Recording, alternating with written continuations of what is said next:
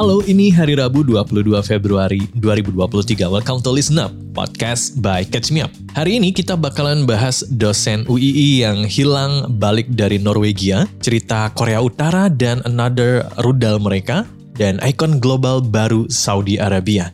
Now, let's catch up.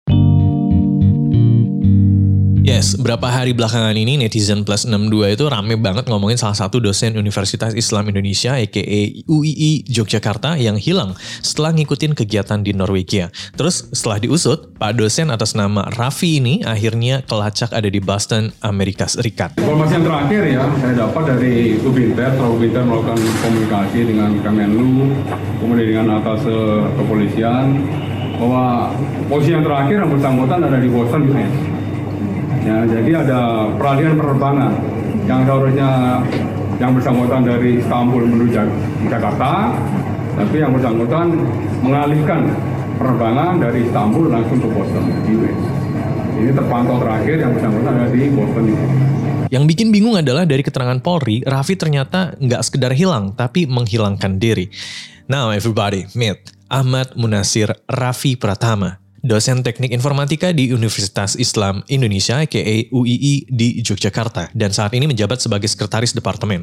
Kayak yang sering dilakukan Raffi dan sejumlah dosen lainnya termasuk rektor UII himself Fatul Wahid itu ngikutin kegiatan mobilitas global termasuk berbagai konferensi internasional untuk mempererat kerjasama antar universitas.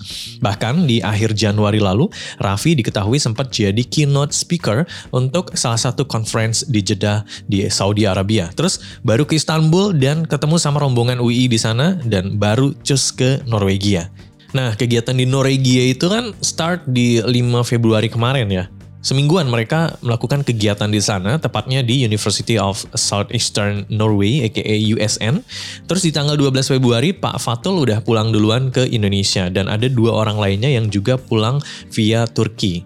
Nah, Raffi ini beda lagi. Sebelum balik ke Indonesia via Turki ya, dia harus transit dulu di Riyadh, since tiket pesawatnya juga di cover sama panitia conference yang di Jeddah tadi itu. Jadi mau nggak mau harus transit di sana. In that sense, maka rutenya itu gini guys. Oslo, Istanbul, Riyadh, Istanbul, Jakarta.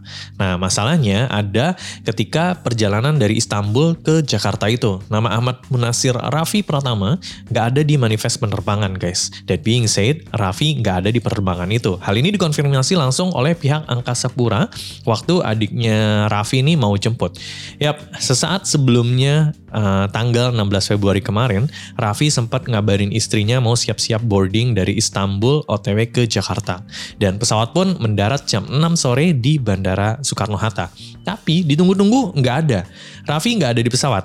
Dan itu membuat panik banyak orang dan bertanya-tanya. Jadi ke mana ini orang gitu kan? Panik banget. Pokoknya pihak keluarga di situ uh, mencoba kontak Raffi dan gak bisa-bisa ya. Lapor ke UII, UII juga ikut nyari, terus besokannya pihak keluarga di Jogja itu ikut lapor ke Polda Daerah Istimewa Yogyakarta terkait laporan orang hilang. Dari situ Polda DI Yogyakarta langsung gercep share ke media sosial terkait Raffi sebagai orang hilang. Gak cuma itu, KBRI Oslo, KJRI Istanbul, KJRI New York, since Raffi ambil PhD di sana, semuanya dihubungin. Terus nggak lama UII yang ikut nyari tadi juga langsung in konteks sama Kementerian Luar Negeri dan setelah diusut akhirnya keberadaan Raffi berhasil ditemukan.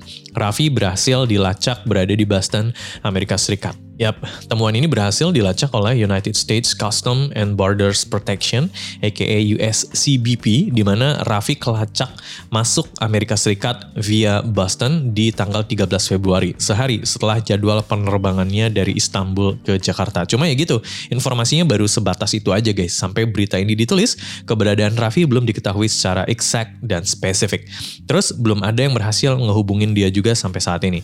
Well, terkait hilangnya Raffi ini, Polri akhirnya buka suara. Disampaikan oleh Kadif Hubinter Polri yang officially menangani kasus ini, Irjen Krisna Murti, Raffi itu nggak hilang, tapi menghilangkan diri. Ya, Irjen Krisna menyebut Raffi itu sengaja ngubah rute perjalanannya tanpa bilang ke siapa pun. Lebih jauh, Irjen Krisna juga menyebut pihaknya udah tahu keberadaan Raffi di mana, cuma belum diketahui secara pasti aja. Why atau kenapa sampai Raffi ini ngerubah rute seperti itu. Nah, sampai di sini kamu pasti bertanya-tanya kan, dari semua tempat yang ada di dunia, why Boston gitu ya? Kenapa di sana? Kenapa nggak pulang dulu ke Indonesia? Nah, Fatul mewakili UII juga nggak tahu ya kenapa Raffi uh, dan ada agenda apa di Boston. Since dia juga nggak pernah ngomong sebelumnya. Lebih jauh, Pak Fatul tuh bilangnya whatever agenda Raffi di sana dan berharapnya Raffi cepat pulang begitu agendanya selesai. Cepat balik ke Indonesia dalam keadaan sehat dan ya pokoknya balik lah ya. Pihak UII sampai saat ini sedang berusaha untuk memulangkan Raffi ke Indonesia. By the way, talking about Boston dan Amerika Serikat, selain the fact that dia kuliah dan berhasil earn his PhD di Stony Brook University dalam bidang teknologi dan kebijakan dan inovasi, Raffi itu ternyata emang diketahui udah sering banget bolak-balik luar negeri dan menjalankan berbagai kerjasama internasional guys. Berbagai jurnal skala internasional udah dipublish sama dia. Terus kalau dipikir lagi ya make sense aja kalau Raffi ke Amerika since tahun lalu dia juga baru balik dari sana ngerjain project dan visanya masih aktif. Dua kali tahun lalu ke Amerika Serikat. Begitu kata Pak Rektor. Oke, okay, kita ke berita yang berikutnya. Let's talk about Korea Utara dan another rudal balistik yang mereka luncurkan kemarin. Hal ini officially bikin negara tetangganya kayak Korsel dan Jepang itu jadi senewan dong ya. Korea Utara lagi-lagi meluncurkan rudal balistik jarak jauh antar benua ICBM Hwasong 15 ke laut lepas pantai barat Jepang. Kalau menurut laporan militer Korea Selatan, penembakan rudal ini terjadi di utara ibu kota Korea Utara. Tapi kalau menurut media pemerintah Korea Utara, disebutkan bahwa ada dua proyektil yang ditembakkan dari beberapa peluncur roket dan mengarah ke target sejauh 395 km dan 337 km. Sebenarnya ini jadi peluncuran rudal kedua yang dilakukan sama Korea Utara dalam 48 jam terakhir. Pada 18 Februari kemarin, Pyongyang juga udah ngadain latihan kejutan untuk nembakin rudal balistik antar benua juga.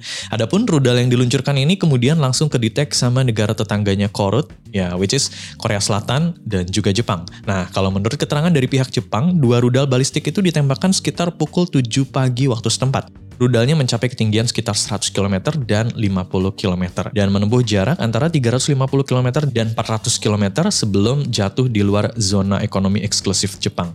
Kalau menurut keterangan Menhan Jepang Yasukazu Hamada, rudal ini punya jangkauan lebih dari 14.000 km which is bisa cukup mencapai daratan Amerika Serikat. Tapi sejauh ini nggak ada laporan kerusakan kapal atau pesawat dari kejadian itu. Nah, kalau menurut Korea Utara, peluncuran ini dilakukan sebagai bukti bahwa pasukannya bisa melancarkan serangan balik yang kuat ke musuh mereka. Wasong 15 itu diluncurkan sebagai respons atas rencana latihan militer antara Korsel dan Amerika Serikat. Dan kalau ditelusuri lebih dalam lagi, Amerika Serikat sama Korsel juga emang lagi siap-siap untuk melakukan latihan militer tahunan sebagai upaya menangkis ancaman nuklir dan rudal yang meningkat di Korea Utara. Lebih jauh, peluncuran rudal ini juga semacam balas dendam gitu gengs untuk para musuh-musuhnya Korea Utara. In that sense, adiknya Presiden Kim Jong-un yaitu Kim Yo Jong menyebut pihaknya bakalan tetap kasih peringatan kalau Pyongyang dan pemerintah Korea Utara akan terus melakukan balas dendam yang pantas untuk setiap ancaman yang dirasakan. Bahkan ngerinya lagi, Courtney bisa-bisa jadiin Pasifik sebagai lapangan tembak. Makanya hal ini dikecam abis-abisan sama dunia internasional guys. Juru bicara PBB Stefan Dujarric bilang kalau Sekjen PBB Antonio Guterres sangat mengutuk peluncuran rudal tersebut dan mendesak Pyongyang untuk segera ber berhenti melakukan tindakan provokatif dan melanjutkan dialog denuklirisasi. Terus kalau Perdana Menteri Jepang, Fumio Kishida, as a victim in this case, jelas mengutuk keras peluncuran dan bilang kalau ini jadi ancaman untuk komunitas internasional. Selain itu, of course, Korea Selatan juga mengecam peluncuran rudal itu dan menyebutnya sebagai pelanggaran nyata terhadap resolusi Dewan Keamanan PBB. Nah, anyway, lately Kim Jong-un itu sering banget ngajak anak perempuannya, Kim Ju-e, di acara militer maupun non-militer negara. Bahkan Mr. Kim nggak cuma ngajak anaknya tapi juga istrinya, Ri Sol Ju. Dan sebenarnya masih nggak diketahui pasti kenapa Kim sering bawa anaknya ke hadapan publik. Makanya jadi banyak banget spekulasi yang bermunculan dari para analis soal ini. Kita lanjut ke berita yang terakhir. Sekarang kita mau bahas The Mukab yang most likely bakal jadi ikon global baru di Saudi Arabia. Introducing the new horizon for Riyadh, a new icon, the Mukab, the world's first immersive experiential destination.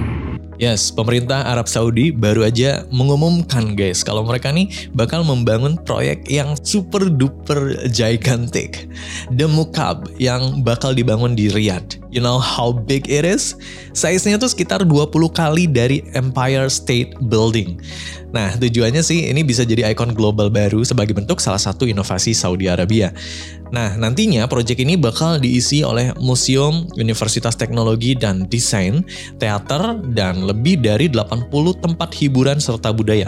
Kalau menurut rencana, proyek ini diharapkan selesai pada 2030 mendatang. Sebenarnya, karena The Mukab ini uh, rencananya punya struktur yang sama kayak Ka'bah, pembangunan ini menuai kritik dari pengguna di Twitter. Soalnya banyak yang nggak setuju kalau ada replika dari Ka'bah. Saudi Arabia, it's kind of futuristic. Baru aja tahun sebelumnya, Saudi Arabia itu ngumumin bahwa mereka bakal bikin gedung pencakar langit sepanjang 100 mil yang bisa jadi rumah masa depan bagi 9 juta penduduknya. Wah, itu gila banget sih ya.